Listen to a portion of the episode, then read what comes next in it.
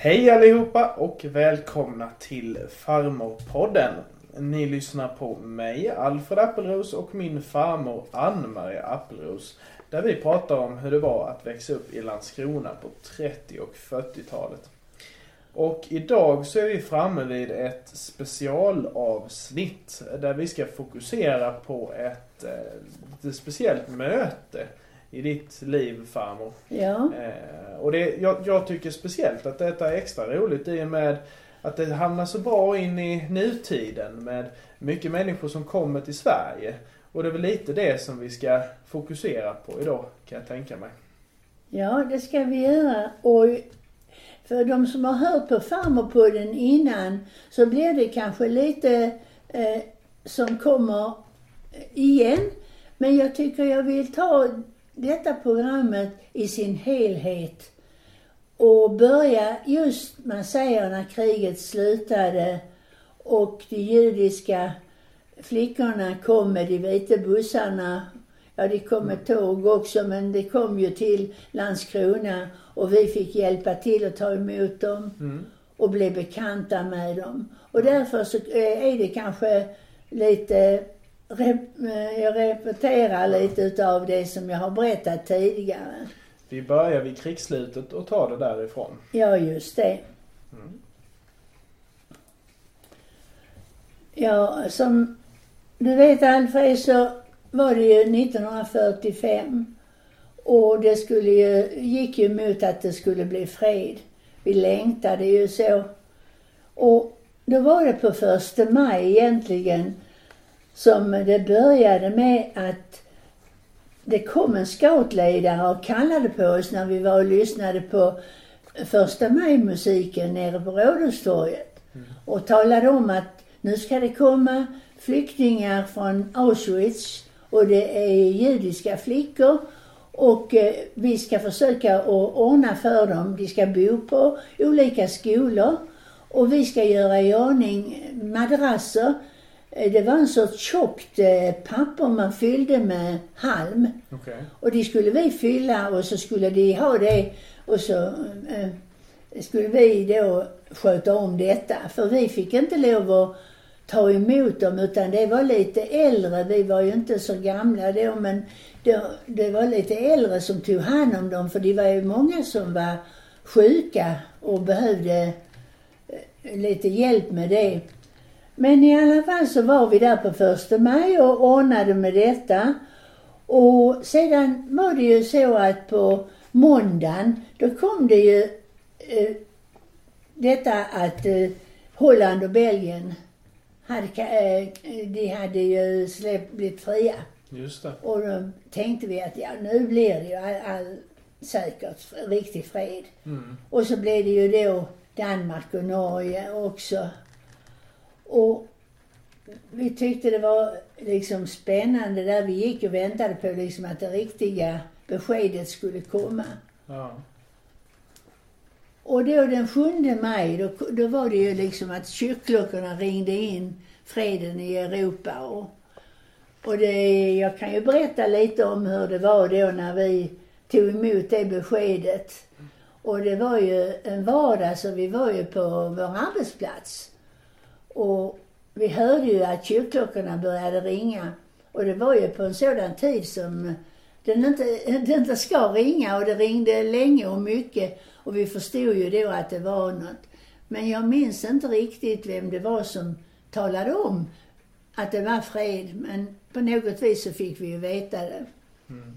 Och vi rusade ju ut och hejade och skrek och, och ropade och, och eh, sedan då på kvällen då samlades ju alla vi ungdomar och vi promenerade från Ströget i arm i arm i långa led. Vi var ju säkert bortåt en eh, 80-100 ungdomar ju.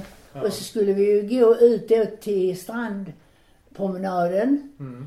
vid Citadellet. För där kunde vi ju stå och titta över till Danmark, över Öresund och se eh, in till Danmark som hade då varit avskuret från oss Mm. i så många år.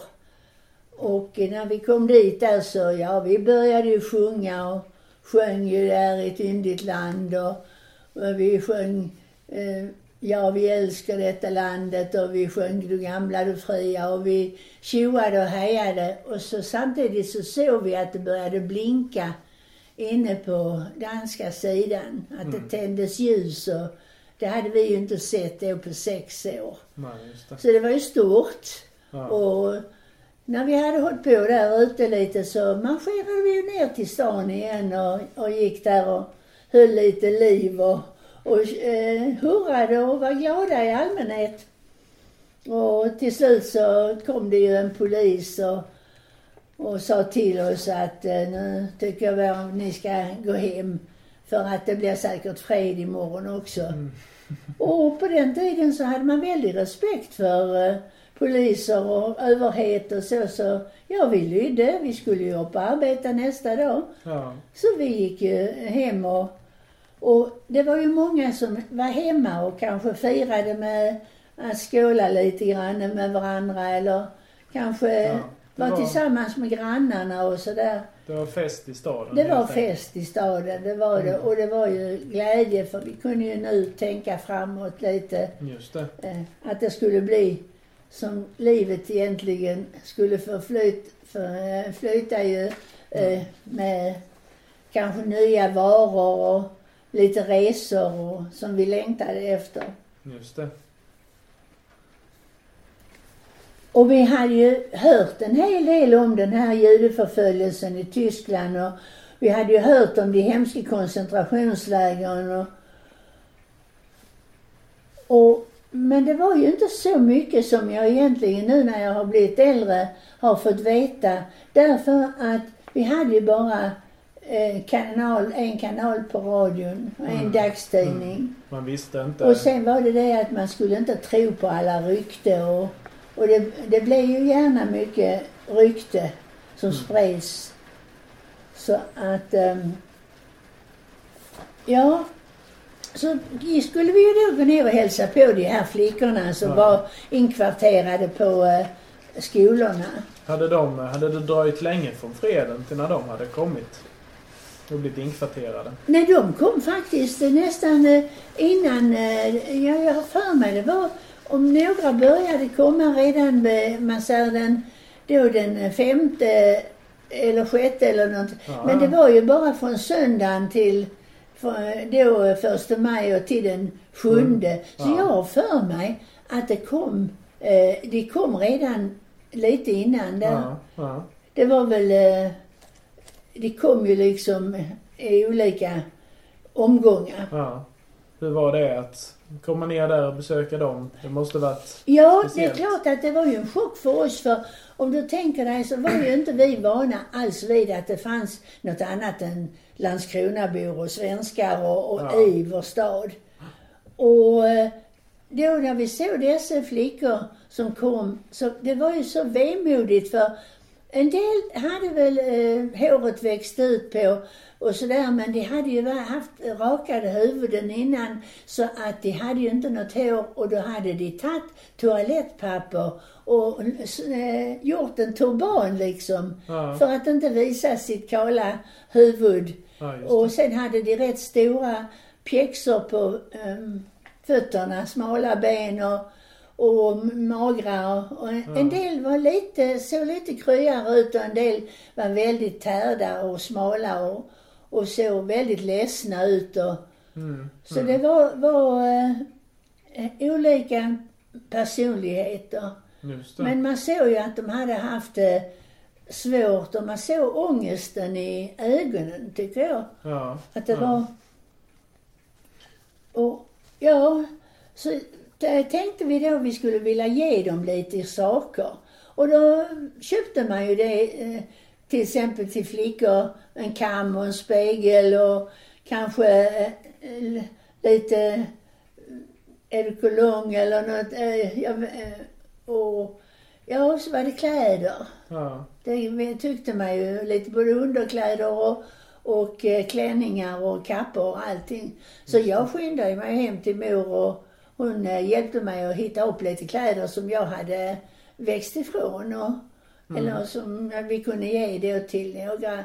Och så var det liksom att man valde ut en flicka som man eh, kanske fäste sig vid. Ja. Kanske var det mer än en. Ja. För det kunde vara ett par. Men vi kunde ju inte prata med dem så mycket för de, de hade ju lärt sig lite tyska när de var i, på koncentrationslägren. Men annars var det ju många från både Polen och Rumänien och, och eh, de länderna där nere som hade varit på eh, lägren. Ja. Men i alla fall så gick ju jag och min väninna Märta eh, och Lilian, vi, eh, de, vi, vi gick och köpte varsitt litet lexikon. Det Ja. var bara massa, kanske en eh, 7-8 centimeter stort, Ja. men det var litet. Vi kunde ha det i fickan. Och så hade vi det med, eh, med, med ty, tyska då. Så det. vi kunde föra lite samtal. För vi var inte sådär väldigt duktiga på, på tyska. Nej. Men fick ni komma in och träffa Nej, dem? då var det så här förstår du att inne på skolan fanns ett staket först. Och sen var det lite uppehåll igen tills skolstaketet. Du vet om du tänker dig att det var ett järnstaket runt skolan. Ja. Så stod det ett trästaket som de hade nu satt upp. Kanske eh, fyra, fem meter, lite längre in. Ja. Så vi fick inte komma nära dem för det var många som hade tyfus. Okej. Och många som var sjuka kanske på annat sätt. Så de skulle vara i så kallat karantän. Ja, just det. Och eh, ja, men vi kunde Prata ska vi prata över. lite över där och de, och sen eh, men frågade vi ifall vi inte kunde skriva lite brev till varandra. Ja. Och det var en del, jag, jag tror jag har kvar här några brev som eh, jag har fått därifrån också. Så att, eh, men sen när det hade gått några veckor, för vi körde ner varenda kväll efter arbetet och hejade på dem och, Ja. och då var det bland annat en flicka där som hon var så, hon var lite, hon var pigg och glad. Hon hade mörkt, lockigt hår och, och eh, så lite, vad ska jag säga, sådär, hon såg inte så sjuk ut utan hon var rätt pigg. Ja. Och hon var så glad för att sjunga. Okej. Och vi tyckte ju det var roligt och, och när vi hade gett henne någonting så sjöng hon en sång för oss. Ja, ja. Ja. Och sen berättade hon att inne på den andra skolan hade ett, ett par, hon hade en syster till på den skolan. Och sen hade hon då två systrar på skolan snett över gatan. Det var Ja. en skola där också. ja. Så de kunde stå nere i hörnet på var skola och heja på varandra och sjung, de sjöng till varandra också. Och, och i alla fall så när det hade gått i några veckor så fick vi eh, gå in och träffa dem. Ja, det var nog mer, mer än, det var nog minst tre, tre veckor, tre, fyra veckor var det nog innan vi fick gå in där.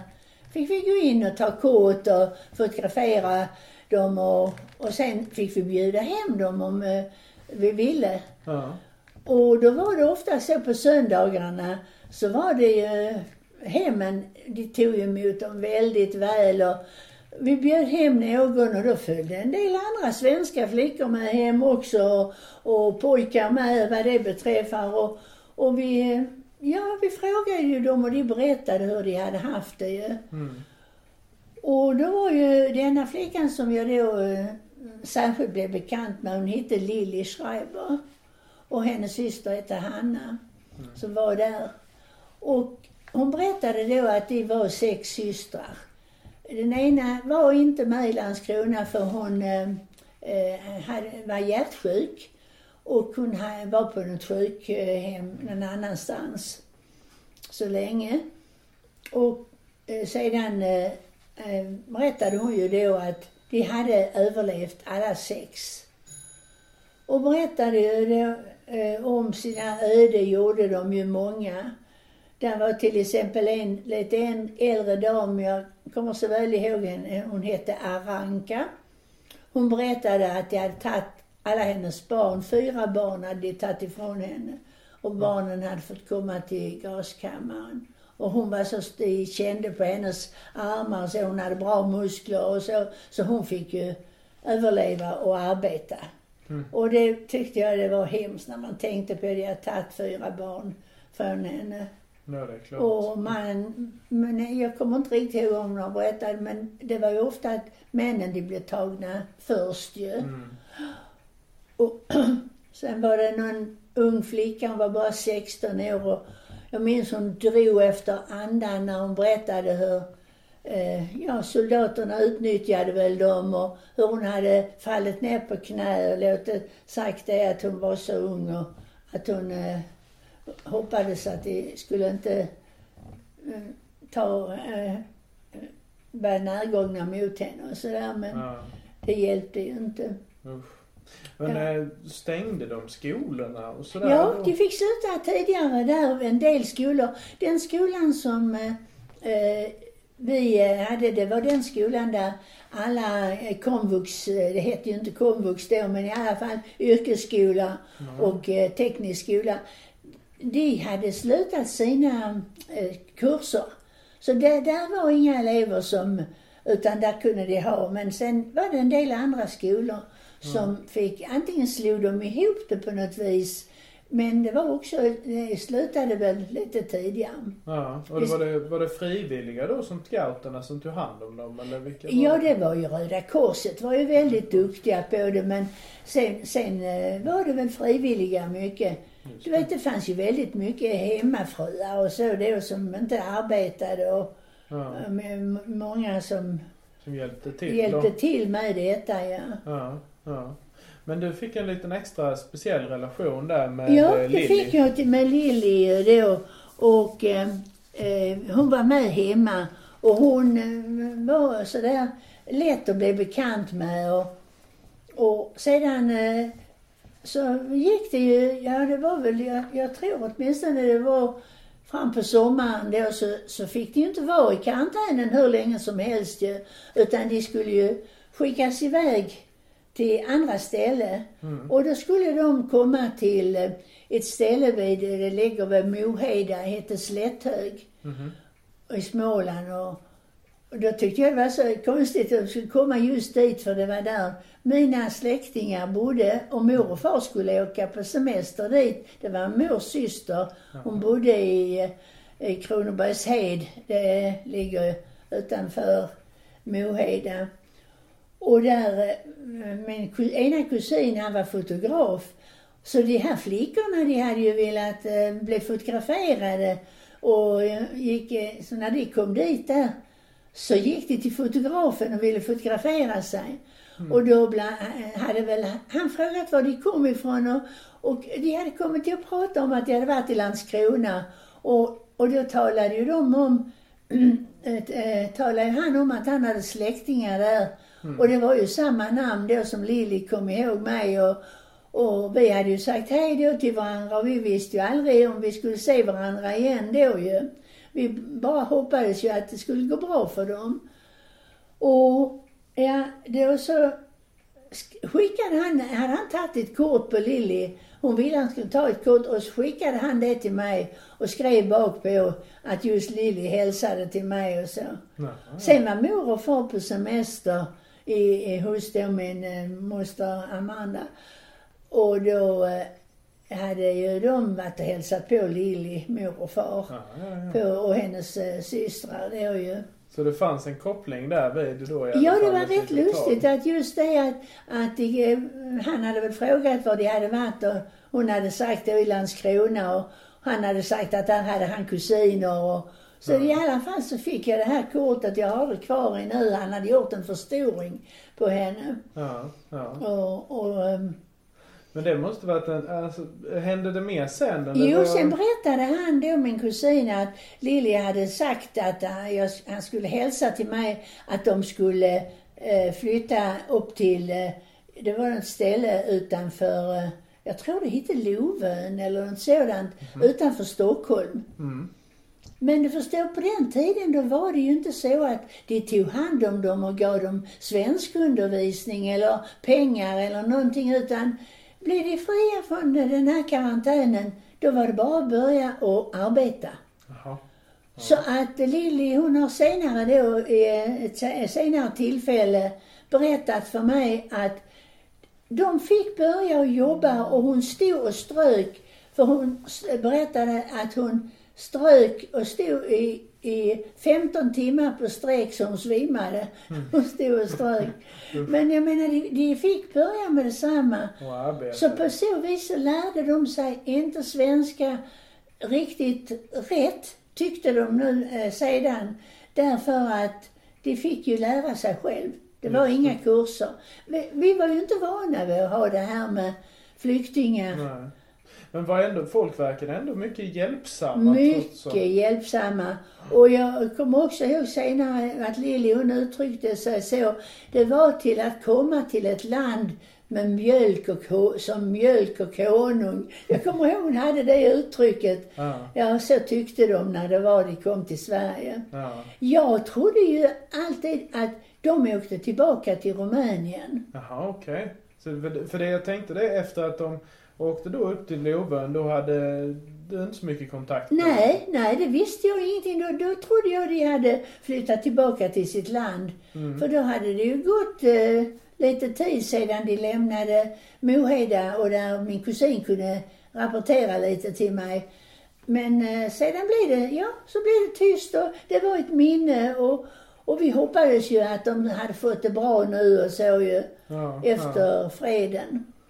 Hur Men kom, det skulle visa sig att det blir en liten ny historia om detta här.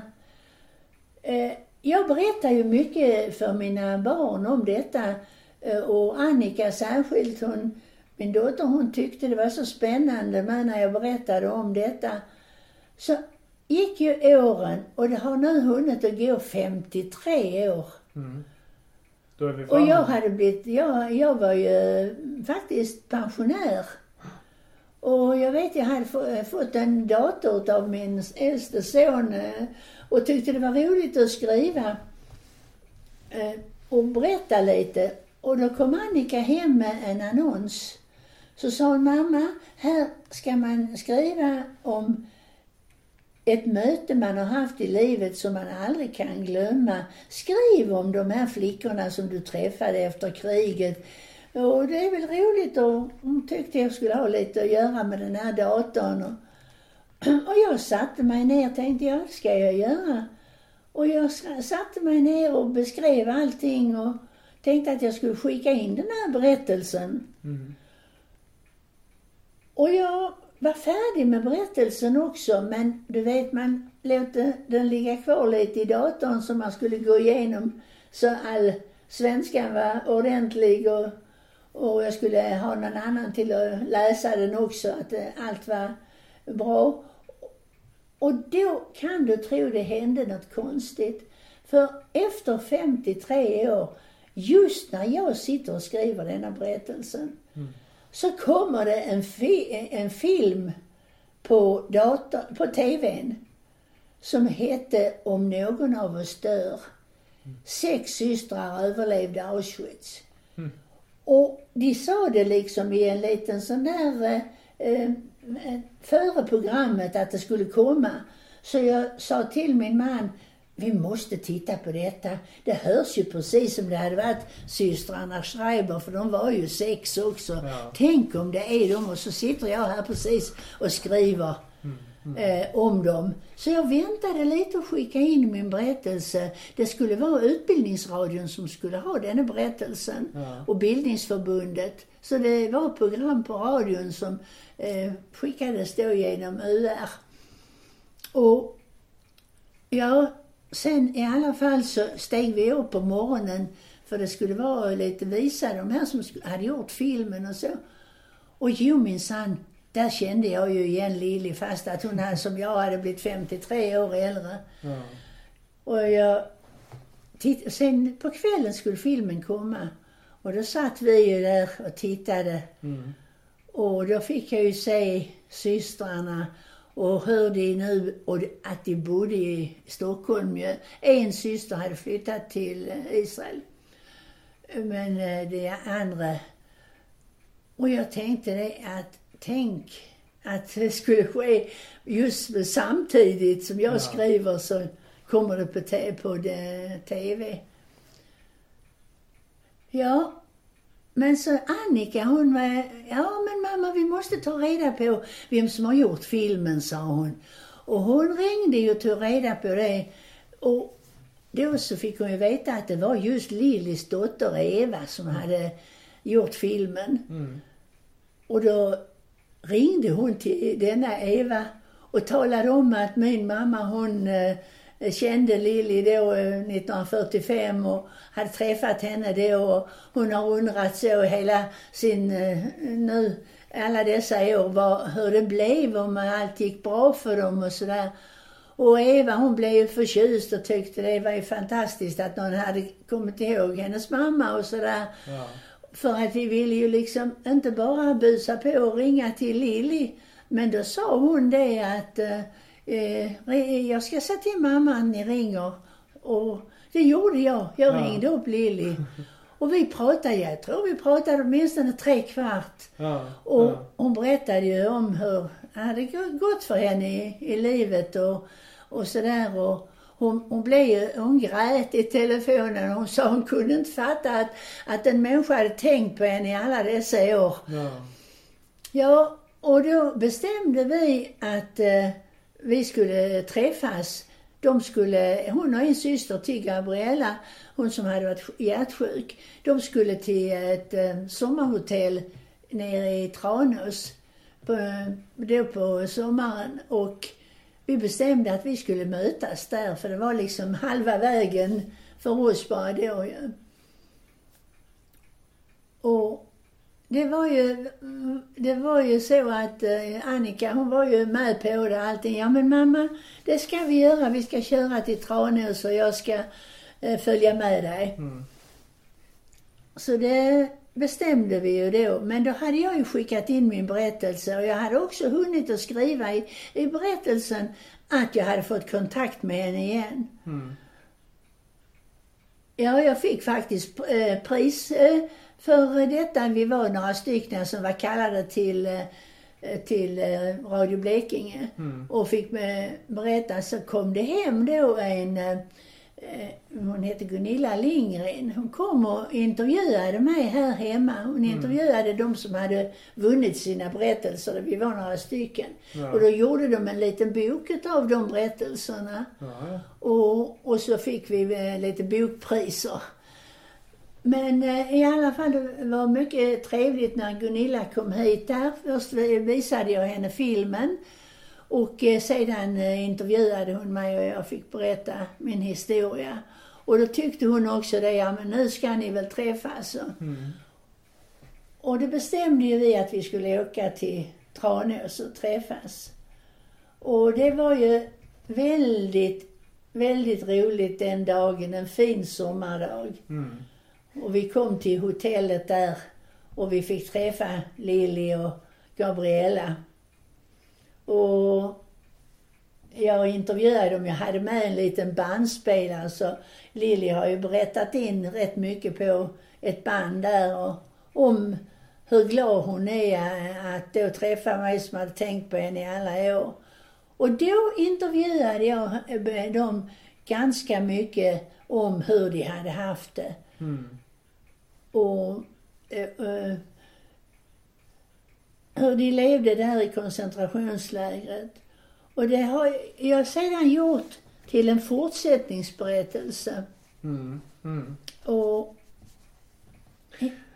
Ja. jag vet inte om vi hinner mer idag, annars så får vi ta det på ett program till. Ja, nej, vi har pratat på en liten stund så det får vi nog ta på nästa program tror jag nog. Ja. Absolut. Och då kommer jag till att berätta om deras, deras berättelse, hur de hade det i koncentrationslägren, både i Auschwitz och eh, eh, senare på fler Mm. ställen. Mm. Mm.